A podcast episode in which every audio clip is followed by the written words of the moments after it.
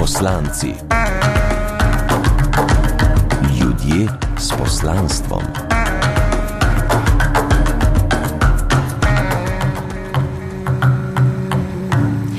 Lepo pozdravljeni na valu 202 in dober večer. Jure in Katja sva z vami, poslušate zadnjo oddajo pred poletnimi počitnicami in tokrat je z menoj gospod Kimakar. Uh, tudi spet kar nekaj poslanstev, od tega, da je direktor uh, podjetja Riko uspešen poslovnež, do tega, da ima velik posluh za kulturo in uh, še nekaj takih stvari, ki jih najbrž drži popolnoma zase.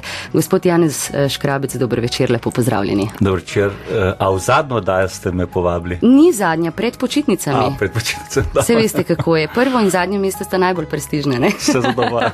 Hvala, Pravijo. hvala, hvala, sem počaščen. No, drugače pa, a ste direktno iz Rusije prišli zdaj sem ali.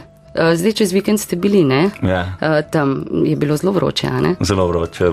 Po pol dveh po noči, po te tekmi, znameniti Holandija, Rusija, so se moskovske ulice napolnile.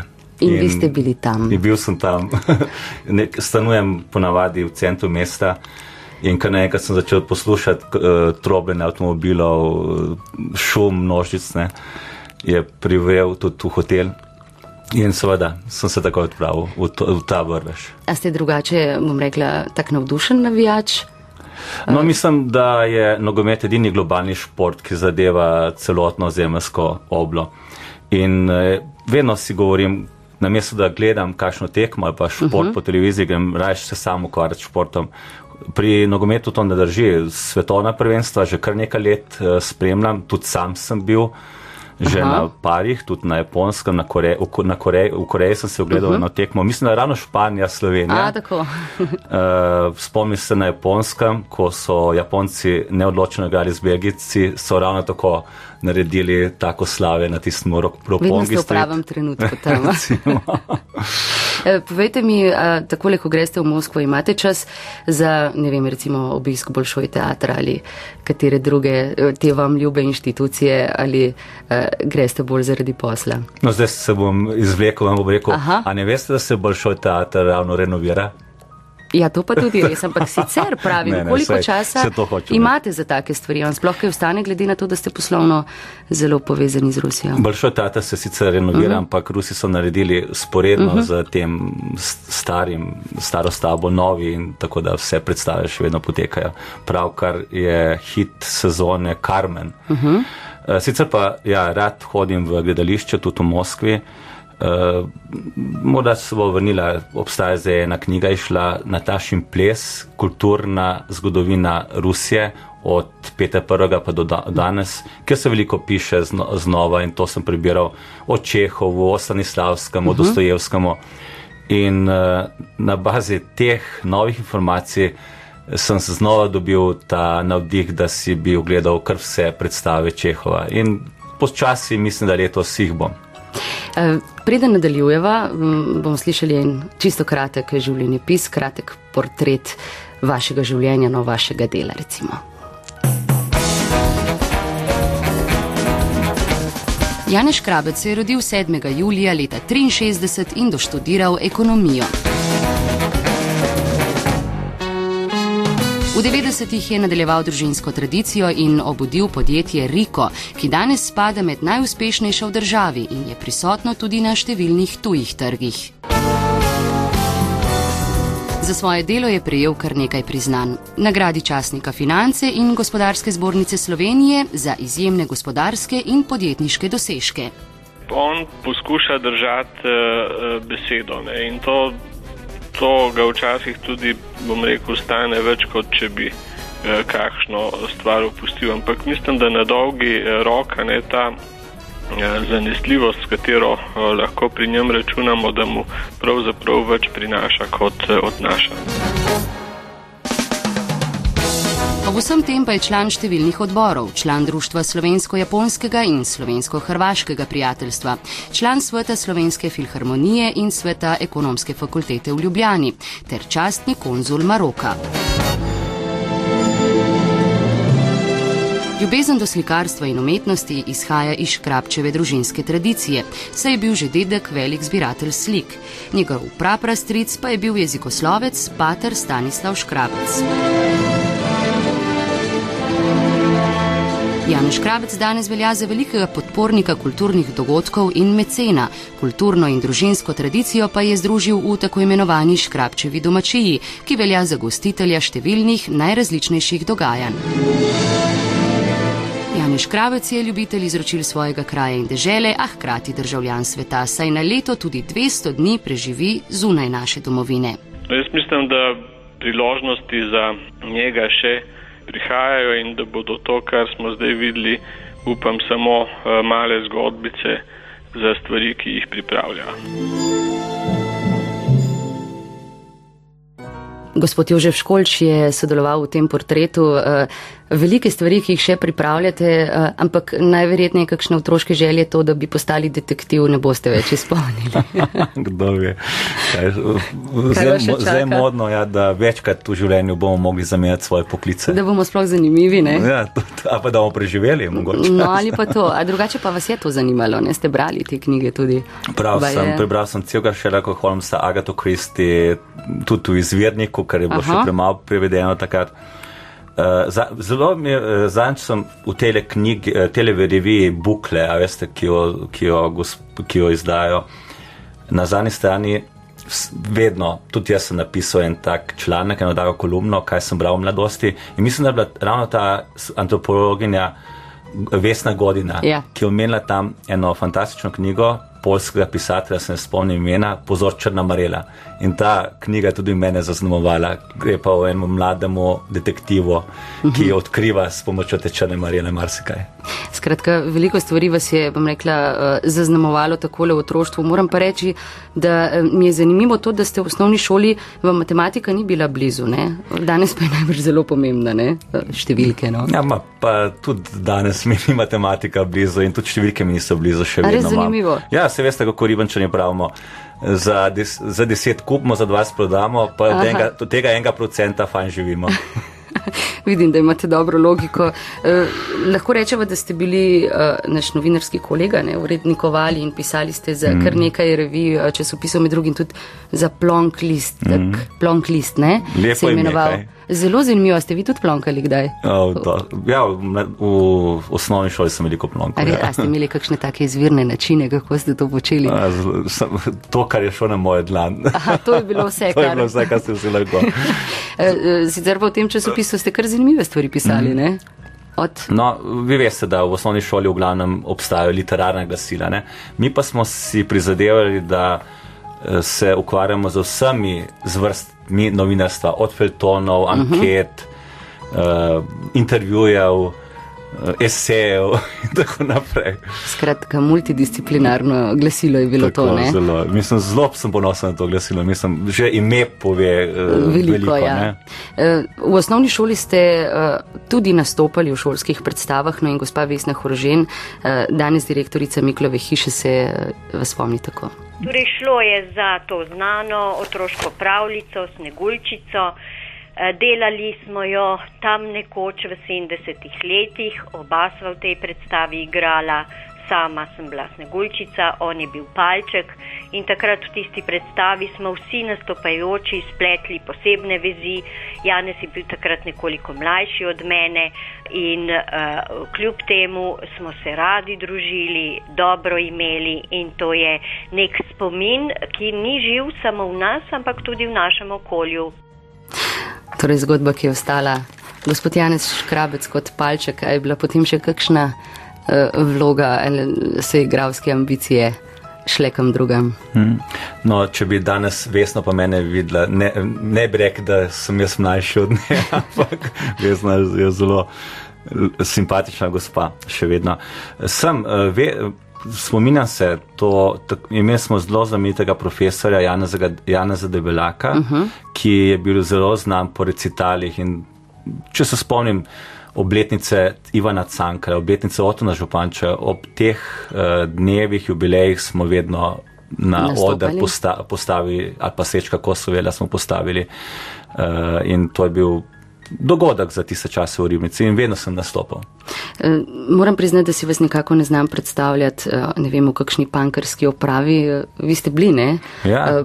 Punker, da tako rečem. Kako je to izgledalo, oziroma ali ste bili bolj, bom rekla, vsebinsko pripadni panku? Ja, sem bil bolj nedožen pankar. Najbolj, uh, najbolj, kar se je videlo, je bil očetov suknič, ki, ki mi je opletel po telesu. Se veste, da smo nosili vedno očetove rekalce, smo rekli.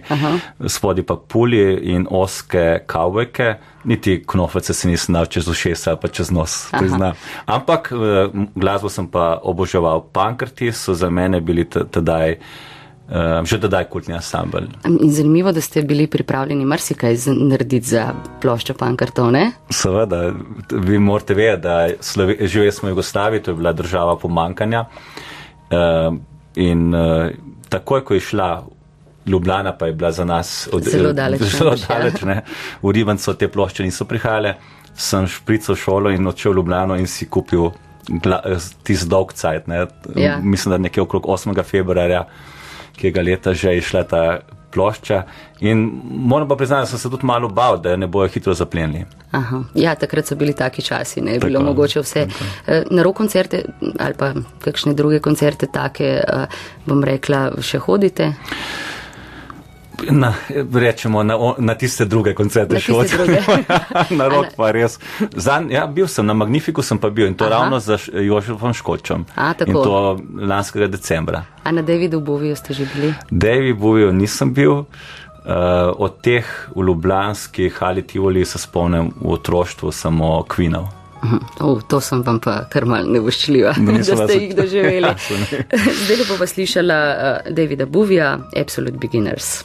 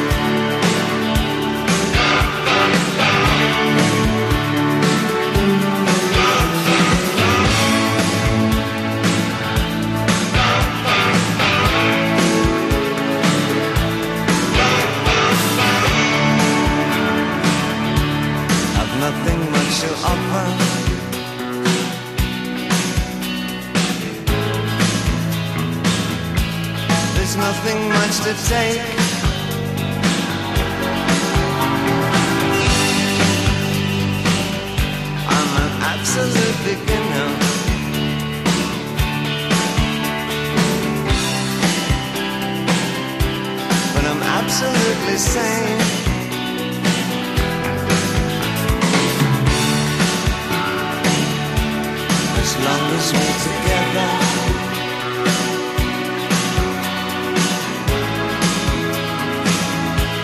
The rest can go to hell.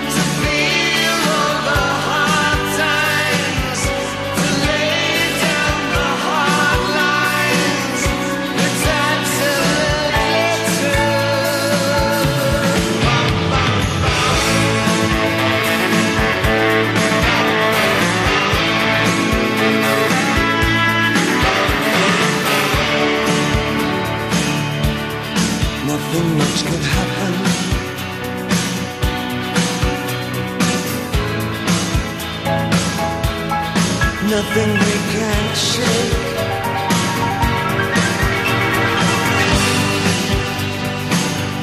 But we're absolute beginners.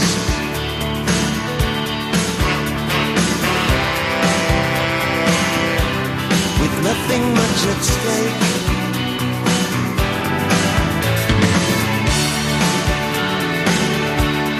As long as you're still small.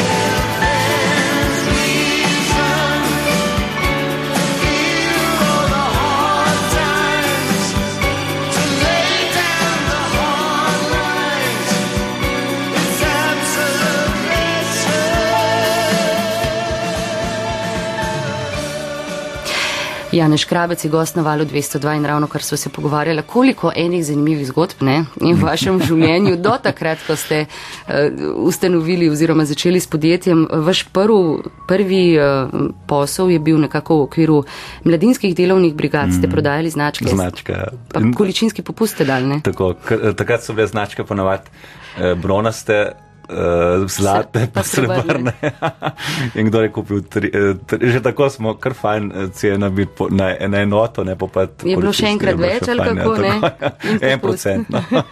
To je bila tista ribenška najbolj že tukaj. tako. Ne? Uh, tudi v vojski ste se nekako dobro znašli, ne? ste bili spet nek, nekako Fotograf. novinarsko. Ne? Ja, po, Fotorepo- na oboki v Mariboru sem bil fotograf. Uh. -huh. In uh, ta, ti naši južni bratje so je zelo radi fotografirali. Ne?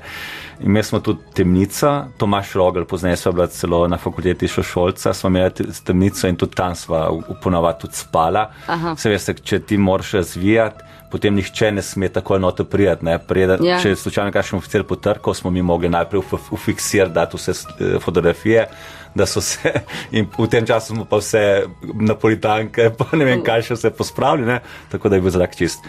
No, drugo polovico leta sem pa prišel v Ljubljano, ker sem bil pri, da tako rečem, danes bi temu se rekli, PR-ovcu celotnega armadnega območja. Klipinge in ste delal sem take, ja, ja. tako ga ja. Temu, nismo še vedeli, da se temu reče kliping. Vse časopise sem lahko bral in za škarami rezal, kar se je pisalo o jugoslovanski ljudski armadi.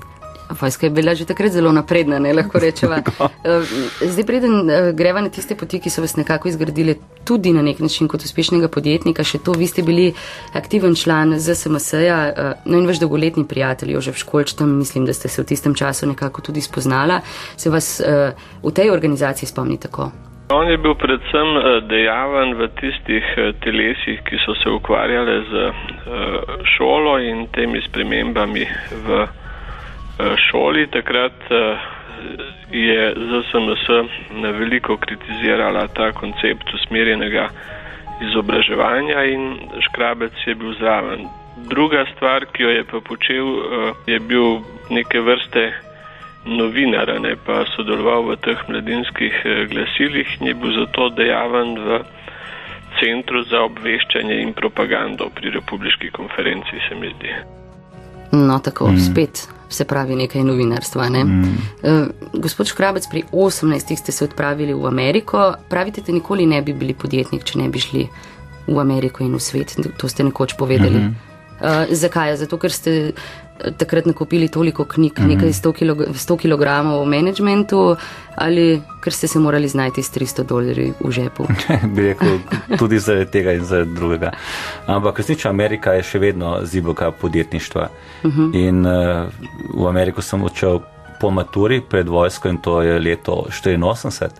Vi morate vedeti, da recimo, uh, ko sem prišel iz uh, vojske, sem, sem šel na ekonomsko fakulteto in tam nekje v tretjem letniku smo imeli, uh, smo imeli predmet uh, strategija organizacije združenega dela. Ne? Ko uh -huh. smo omenili takrat, se je OZD, ni to podjetje, Mislim, niso hoteli na naši fakulteti še nič slišati o tem, ne.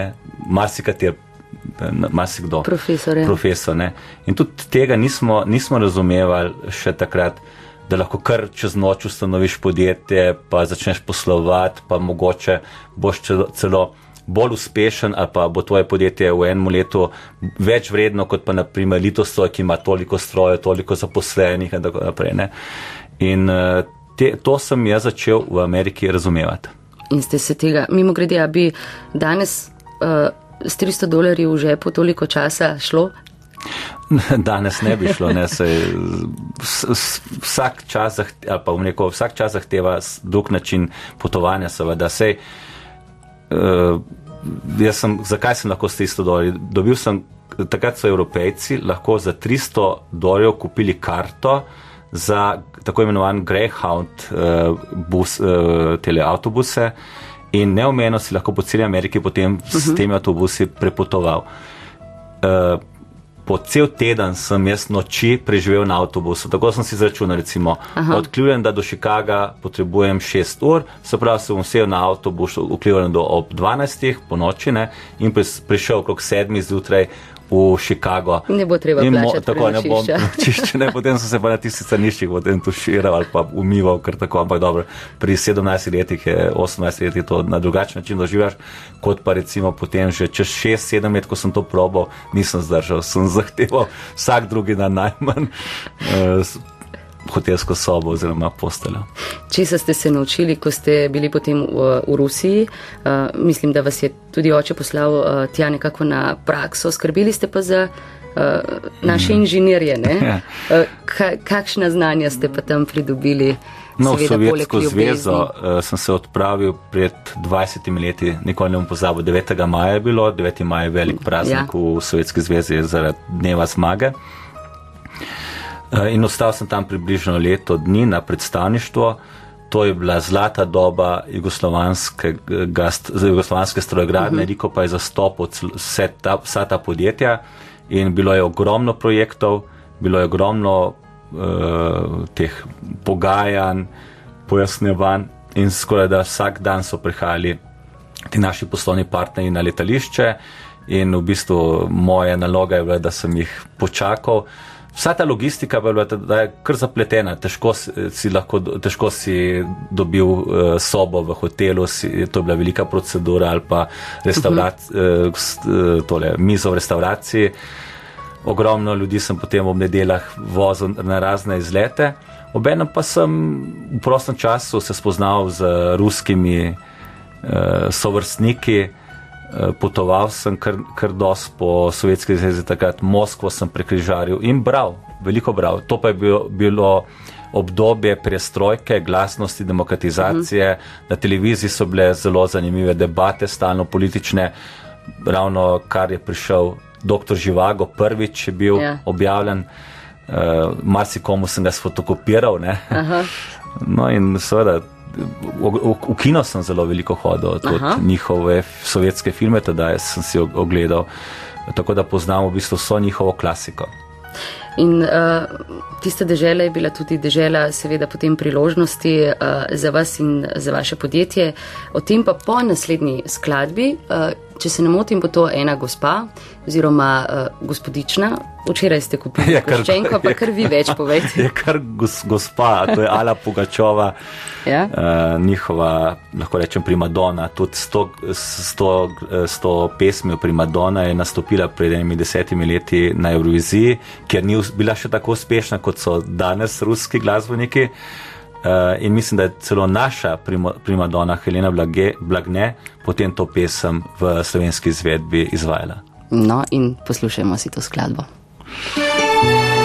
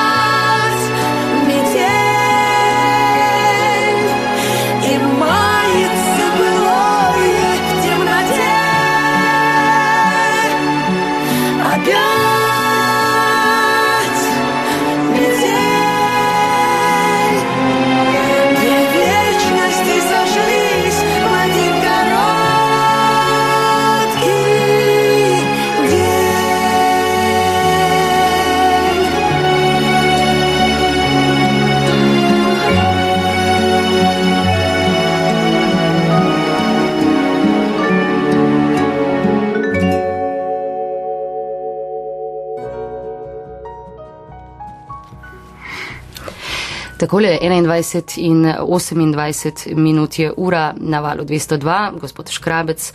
eh, Katere podjetniške strategije ali pa kateri je tisti nasvet, ki se ga najbolj spomnite kot dediščine eh, svojega očeta, ki je pravzaprav nekako ustvaril tudi Riko? Ne? To je- ste ne pa našli. Ampak mislim, men, men bil, mislim, da je imel oče že takrat zelo te sodobne prijeme, kar nas učijo, učijo danes, recimo, ravno kar sem bral, funky business, ki prav, ampak to ni fraza, ne. Najpomembnejši najpomembnejše sredstvo, najpomembnejše uh, bogatstvo vsakega podjetja resnično so ljudje. In neprestano se ra- vprašuj, kako motivirati svoje sodelavce, eh, kako, vod, kako jih voditi, kako jih usmerjati, ker samo od njih je odvisna, odvisen tvoj uspeh. Ti si samo del tega vsega skupaj in uh, sam ne pomeniš nič, pomeni samo močen tim. Ni idealnega posameznika, idealni so samo lahko timi. In moj oče je zelo veliko da, dal na to socialno noto v svojem podjetju, ker le, če se vsak posameznik, tudi delavec, zadnji delavec, snažilka počuti pomembnega, takrat bo podjetje dobro delo. In nikoli ne bom, se, ne, nikoli ne bom pozabil, mi smo preživljali dopust v sindikalnem domu, eh, včasih so celo delavci imeli, delovska družina imela več sob na razpolago za svoje otroke, družino, kot pa mi. Ampak meni ni nič kaj dosti motilo, kot tudi mojega očeta. In zvečer, ko smo se sreč, dobivali tam nekje na vrtu, o pivu, mi otroci ob sladole- sladoledu, smo bili vsi, vseh socialnih struktur. In vsi skupaj, ne? In vsi skupaj. In nobenih razlik ni bilo. In zanimivo, da se bova k temu še vrnila, eh, ko bodo spregovorili tudi še eh, naši današnji sogovorniki, eh, drugače pa vsaka stvar ima svoj začetek. No in zanimiva zgodba gospoda Jožefa Školča, ki se spomni vas nekot navdušenega, polnega življenja, polnega ambicij, ko ste pravzaprav začenjali s podjetjem. Pa bo gospod Školč več povedal. Sva šla enkrat gledati en, eno mašino za litje pod eh, pritiskom, ki jo je odkupil od litostroja, ki je šel v stečaj in so jo potem njegovi delavci pripravili za transport v Rusijo. In seveda je bilo to za oba fascinantno, da smo videli v enem kosu eh, nekaj, kar se, se je pisalo z recimo milijonom mark, ampak eh, sam seveda nisem mogel drugega, kot da lahko samo barvo komentiram. Mislim, da je bil tak modar pasiv, ne? Ba barve niso bile, bom rekel, najbolj posrečene. to je bil torej tisti začetek. Ne? In uh, estetika takrat strojev, ne? ki pa so seveda pomenili uh, najverjetneje zelo dober začetek. Uh, Prej sva se že dotaknila nekako Rusije oziroma Sovjetske zveze. Takrat so bili zaprti vsi poslovni kanali, nekako ste izkoristili možnosti svoje poznanja, znanje jezika, da ste se odprli tudi na njihov trg. A so, je bilo še kaj poleg referenc, recimo, š, pomembnega za pridobivanje poslov v Rusiji? Tudi danes, ne na vse zadnje, je veliko delate tam. Mhm.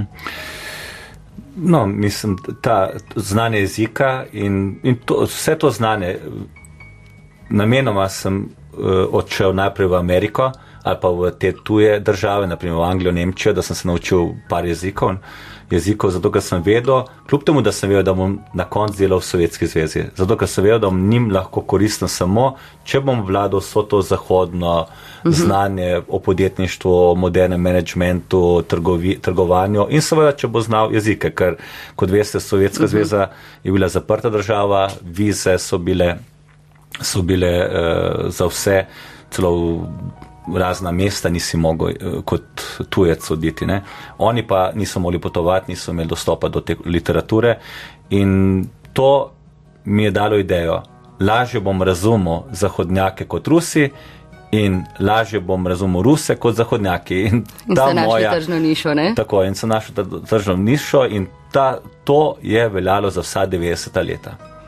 In tako se je stvar začela. Gospa uh, Danica Pork, uh, direktorica poslovne šole Bled, je rekla, da je ena uh, pomembnih lastnosti, seveda uspešnega poslovnega menedžerja, tudi vaših, uh, tudi to, da si upa uh, iti nekako v rizik ne? in kdaj morda zadeti tudi z glavo uh, v zid. Zanimivo tudi te, uh, tudi vaše uh, hi, ekološke hiše na začetku niso bile, ne? Mhm, ravno tako. uh, nekaj krasnega, ki bi se kar zgodilo.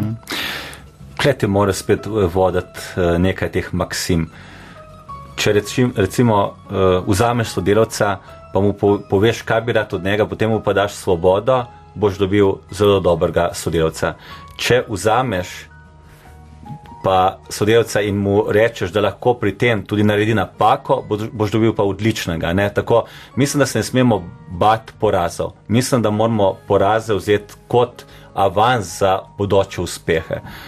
In uh, ravno tako, Riko hiše PSPR so bile zelo slab projekt, ampak kljub temu sem rekel, naprimer, Krištof Kolumb je od, odha, odšel, da bo našel Indijo, da bo našel krajšo pot za Indijo, našel je pa Ameriko. Je bil neuspešen ali uspešen?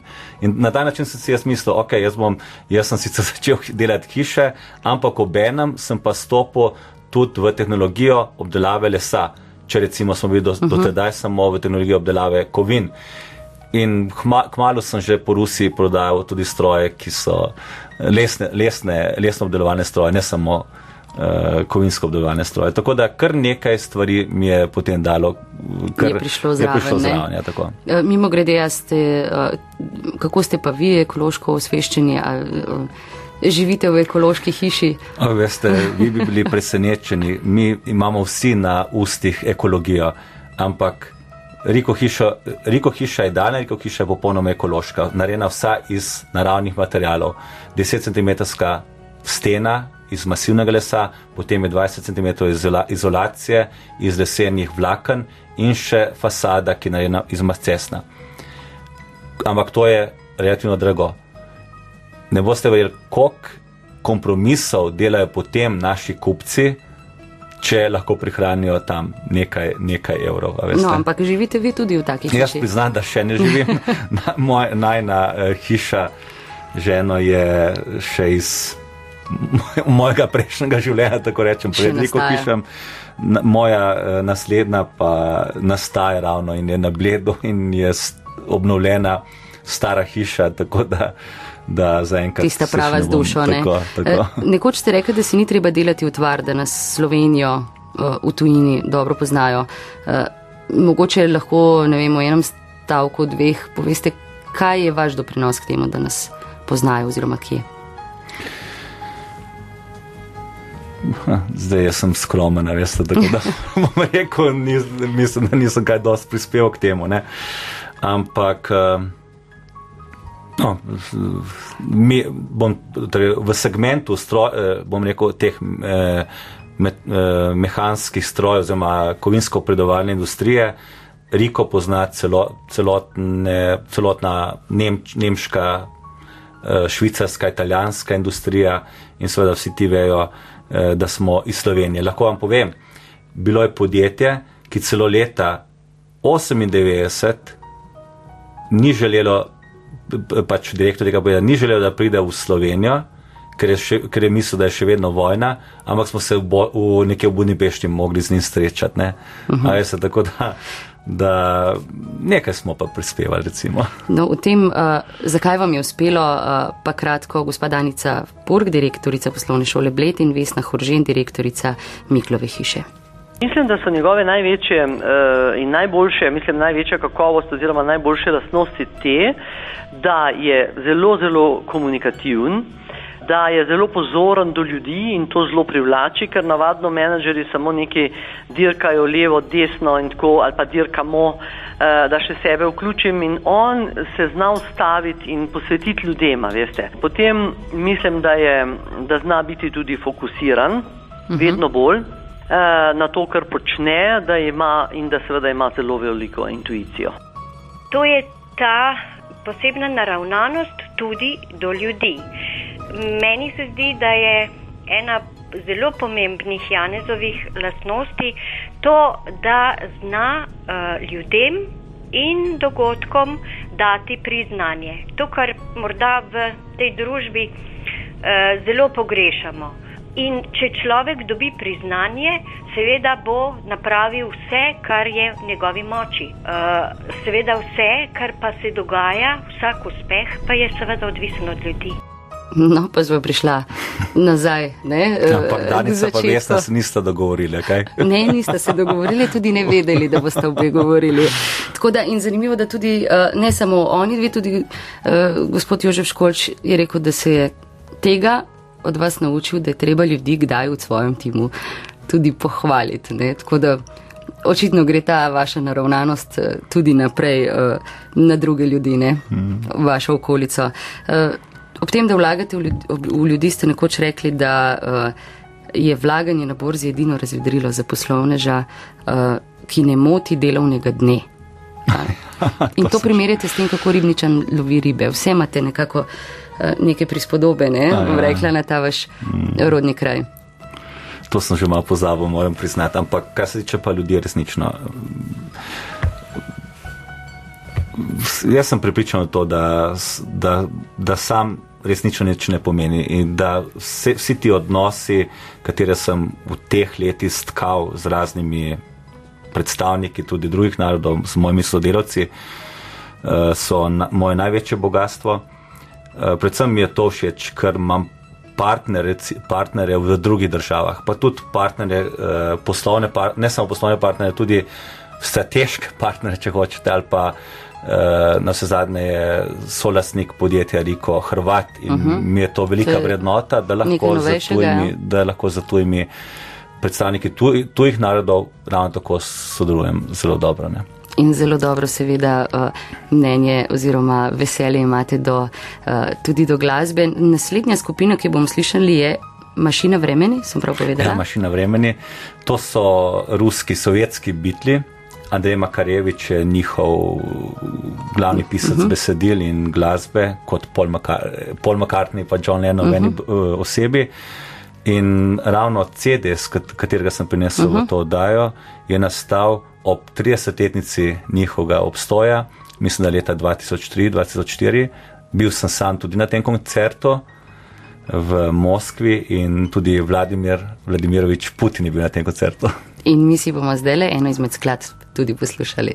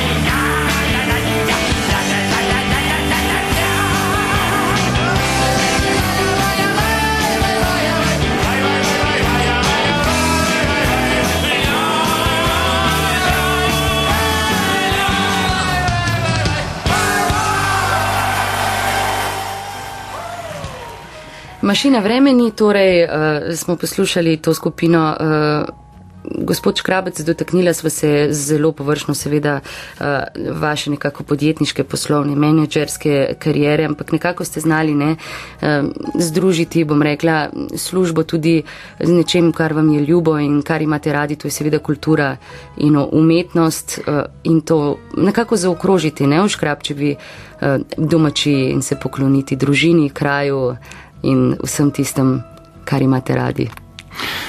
Zadnjič sem prebral en zelo dober izrek Mance Košir, ki je rekla, kultura je, je vzrok našega obstoja. Ne? In jaz se tudi s tem strinjam. Na vse zadnje, če se, spo, če se spominjamo danes, kdo pa ve, s kom so se ukvarjali mediči, ali pa s kom se je ukvarjal Guggenheim, uh -huh. ali pa s kom se je ukvarjal vse, na ja. vse zadnje Tretjakov, da grem v Rusijo. Ne? Uh, in prepričan sem, da tudi za mene čez sto let ne bojo vedeli, s čim sem se ukvarjal. Ampak upam, da, da bojo pa vedeli, tako kot vejo, vejo, vejo za Knaflova, pa za Žiga Cojsa, pa za Oražna, da smo s tem, kar smo ustvarjali, na nek način prispevali k izobraževanju slovencev. Imamo Škrabčevo fundacijo, kot veste, Ja. kjer vsako leto podelimo kar nekaj štipendij, Štipendij, ja. letos že petič.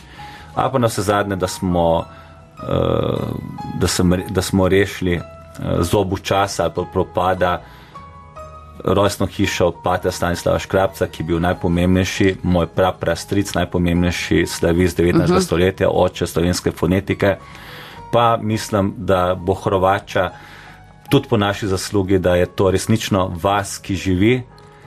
Uh, ustanovil se je, ustanovilo se je Vaško etnološko društvo, ki ima veliko, tako, tako, in- veliko manifestacij. In to je pomembno, pomembno je pa to, da smo prepustili vse skupaj strokovnjakom, da nismo to iz enega entuzijazma sedeli. pamet, Tako, ja. tako, tako. Uh, imate tudi zelo, bom rekla, zanimiv način. Ne? Uh, vaša likovna zbirka je zelo bogata, tudi to nekako gre nazaj v zgodovino vaše družine. Uh, mislim, da več kot 200 dela, ne? ampak zelo zanimiv način uh, tudi spodbujanja mladih umetnikov in zbiranja teh del. Ne? Uh, to je kako projekt Pariz Hrvača. Ja, skupaj z Matjažem Počevalškom uh Mhm. -huh. imamo v Parizu stanovanje, kamor vabimo, ampak spet s, s pomočjo strokovne žirije, Ja. eh, mlade likovne ustvarjalce, tudi teoretike, filozofe, ki v, v tem stanovanju preživijo tudi do nekaj mesecev. Veste pa, kaj pomeni za te mlade umetnike Da imajo Pariz, da lahko v Parizu, ustvarjati, tako ja. da lahko se spoznavajo z vsem tem. In oni nam potem v naš, eh, v naš fundus ne, prispevajo svoje dela in ta dela prikažemo vsako leto tudi na pregledni razstavi v Mikrovi hiši Tako. v Ribnici. Eh, No, in mislim, da se bo v teh letih, da se bo nabrala kar lepa zbirka. In mislim, da je to veliko bolj vredno, kot pa recimo, da bi hodil jaz po ljubljanskih prodajnih galerijah, pa kar tako kupoval neka dela. Kle nastaja resnično ena zgodba. Tako. Uh, No, in uh, kot ste rekli, da so uh, slike uh, razstavljene tudi v Miklovi hiši v Ribnici, uh, njena direktorica je gospa Vesna Hrožen in o vašem posluhu uh, za, kultu, za kulturo bo seveda spregovorila tudi ona. To je nekaj prav gotovo posebnega, po moje, v poslovnem svetu pravzaprav štrli ven, tako po domače rečeno. Gotovo pa je to občudovanja vredno, da človek z, tako, eh, s, s takim mestom v okolju in konc koncev s toliko nalogami še vedno zna pogledati tudi izven svojih okvirov, se jih dotakniti, tisto res dotakniti, se z njimi seznanjati, jih vrednotiti in seveda ne nazadnje jih uh, podpreti in, in pomagati, da živijo. Tako torej, gospa Hrožen, uh, o tem bom rekla mecenstvu oziroma pokroviteljstvu ne, najrazličnejših uh, kulturnih prireditev od predstav, recimo tudi uh, v drami. Uh, Kako nekako izbirate, ločite uh, med najvrš kar velikim številom različnih projektov, kaj je tisto, v kar se splača, ne splača, v kar je vredno uložiti? No, pomembno pri vsem tem je, da na, po eni strani seveda mi je pred očmi kraj, ribnica. E, poskušamo biti ob vseh pomembnih dogodkih poleg. Po drugi strani pa priznavam, mene je naredila Rusija, uh -huh. na vse zadnje posi z Rusko federacijo in poskušamo, da bi sem pripeljali rusko kulturo v Slovenijo. Tako naprimer. Ampak priznavam, da se ukvarjamo bolj s to etablirano kulturo, uh -huh. manj z alternat alternativno. Dopuščam čist eh, kritiko temu, ne? lahko me marsikdo kritizira. Naprimer, eh, stalno se pojavljamo ob, ob Georgijevu, uh -huh, ob Balšoj uh -huh. teatru na Ljubljanskem festivalu, ki je letos, ja. 5. 5. augusta bo ta znameniti koncert uh, Marinskega teatra ali pa recimo letos bomo podprli dramo Bulga, uh, Bulgakova, Molière, ki bo v drami. Uh, potem recimo, ok, smo tudi uh, poleg tega uh, stalno pri ruski kapelici, potem uh, pomagamo pri Rusijadi ali pa recimo v okviru rusko-slovenskega društva uh -huh. imamo ogromno akcij, ogromno Eh, pri popularizaciji ruskega jezika, ruske kulture. No, sem pa tudi uh, sam član Lions kluba Ilirija, kjer ravno tako skrbimo za različne, različno filantropijo. In gospod uh, Jožef Školč je bil uh, nekoč tudi kulturni minister ne? in uh, nekako to vaš, ta vaša vlaganja uh, v uh, kulturo um, razume oziroma o tem razmišlja tudi tako tudi sam pravi, da je svojim profesorjem v, v gimnaziji in pa ljudem, ki so se v, v skulpturo tam ukvarjali, veliko eh, dolžan in ve, da je pač kultura tisto okolje, v katerem se pravzaprav lahko eh, najbolj eh, izkaže. Tako da rekel sem že prej, za, za to domačijo so pa tudi druge stvari, kjer bom rekel vrača. On veliko denarja bom rekel, zasluži za Rusijo in mislim, da skoraj da ni pomembnejše prireditve, ki promovira rusko kulturo, ki jo ne podpre, če ga prosijo. Tako da ima, bom rekel, to pamet in tudi računico, da je eh, potrebno del eh, zaslužka deliti z svojimi bližnjimi in z, in z tistimi, kjer je pač ta denar na redu. Zanimivo. Ne? Očitno ste se ponovili, smo igrali. Z gospodom Školčem očitno res uh, si nekako berete misli. Ne? Zelo. Uh, povejte mi, v kaj pa vlagate na osebnem nivoju? Časa najbrž nimate veliko, da bi no, ga. Moja vrednota je še vedno izobraževanje, uh -huh. ogromno knjig kupam uh, in pa potovanja poskušam, da niso ta moja potovanja samo poslovna, ampak da si vzamem čas, da si ogledam v, v tisto mesto, kjerkoli sem tudi znamenitosti, da poskušam ujeti ta utrip časa, um, trenutek. Eh, da se spoznavam s kulinariko. Pa je tudi to dobro preštudirate, ja. če, da imate s tem veselje. Sveda, mislim, da kulinarika je zelo pomembna in všeč mi je, če lahko grem s prijatelji v nekem tujem kraju, Eh, na večer ali pa na kosila. Eh, gospod, gospod Škrabec, namenoma vas bom vprašala, ali veste, koliko denarja imate? Ker to se navezuje na eno misel, ne? ki jo ja, vi vedno znova ponavljate. Ta, ta misel mi je zelo všeč. In, in to je resnica. To morate ta, pa zdaj povedati v pristni. Ta, ta štekličkov ata ne, je bil zelo pameten. Ja? Naprimer, uh, pri štekličkovih je bila šola, kamor je, kamor je hodil France Preširen, to, to, to šolo in je, bil, in je bil zapisan v zlato knjigo učenjakov, ja, ja. kot verjetno veste. Ja. No in ta profesor Debelja, katerega sem danes že uh mhm. -huh. omenjal, mislim, on je, on je legenda resnično vseh in nikoli ga ne pozabim. Najprijetnejši spomin ribnice, lahko priznam. Ne, Je bil velik šalivec. Ne, nekega 8, mislim, da 1. aprila, pa 8. februarja, ne v priširnem prazniku, je poslal nekega uh, učenca štekličkovim in rekel, uh -huh. da pet, pet štekličkom ato in reč, naj te da tiste zvezke od preširna, da bomo jih pokazali kle v šule. Ne?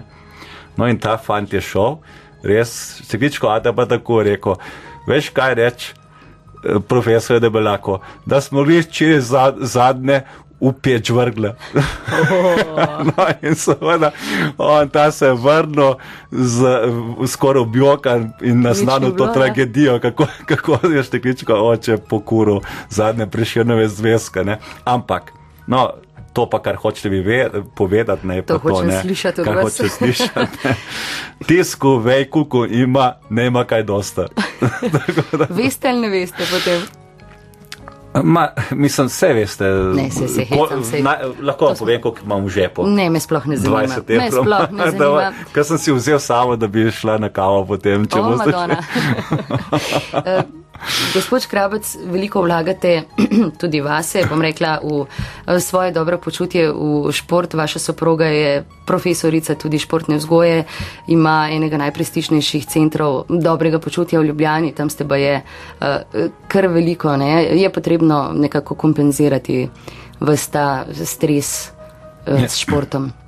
Seveda, uh, vedno rečem, če ne bi imel jaz svoje šmarne gore ali pa svoje svetane, uh -huh. zagotovo ne bi mogel vseh teh naporov, vseh teh stresov preživljati. In, če, in mislim, da sem že zasvojen od tega, od tega. Če en teden ne grem jaz nekam gost, kjer bi resnično doživel velike fizične napore, se zelo sla- slabo počutim in tudi postajam nervozen, ne morem več sedeti. Ko pa imam za sabo dve uri šmarne gore, me pa Ste ne pa premaga, me pa ne premaga nič na svetu, ne spravi stira. Ampak na dopustu ste, ste pa bolj uh, mirni, ne? ali kako že soproga raje, mm, potem noče najbrž ne, se poslovno angažira, torej športom, ali kako no, je že to. Ja, moja žena je prvič, moja žena je, konča, je profesor telesne vzgoje Tako, in, ja. je, in kot eh, verjetno v času študija je Ja. morala zelo veliko trenirati. Bila je tudi aktivna košarkašica, uh -huh.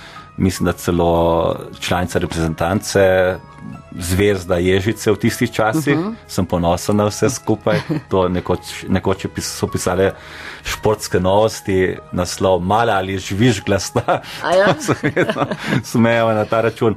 In uh, v, ogromno dela, skozi na nogah Seveda. in je to normalno, da hoče na dopustu bolj počivati. In zdaj, ko bomo šli na dopust, mislim, da bom pa svojega brata vzel, da bo Aha. moj sparing partner, da bo Da osvajala kakšne vrhove. Ona bo pa verjetno bolj počivala, ampak bo pa brala. Eh, Z gospodom Jožefom eh, Školčem seveda ste tudi, ste tudi veliko planinarila, zelo resno, ne, od Kilimanjara naprej, to je bila najbrž hecna zadeva, ker ste imela zraven, mislim, da še varnostnika, ne? Mm, takrat je bil predsednik ja, parlamenta, ja, gospod ja. Škoč. Eh, Sicer pa eh, eh, najbrž eh, vsak moški potrebuje eh, razumevanje na strani eh, svoje soproge. Vi ste nekoč rekli, da vam je eh, pri njej všeč, ker ima vedno dobre ideje, se potrudi za tiste male pozornosti. Eh, A pri vas velja ta, bom zdaj kliše spet povedala, ne, za vsakim uspešnim moškim stoji uspešna ženska? Mm, velja, velja. Kako si sicer, bom rekla, kako se odklopita in si vzameta čas za, zase z golfom?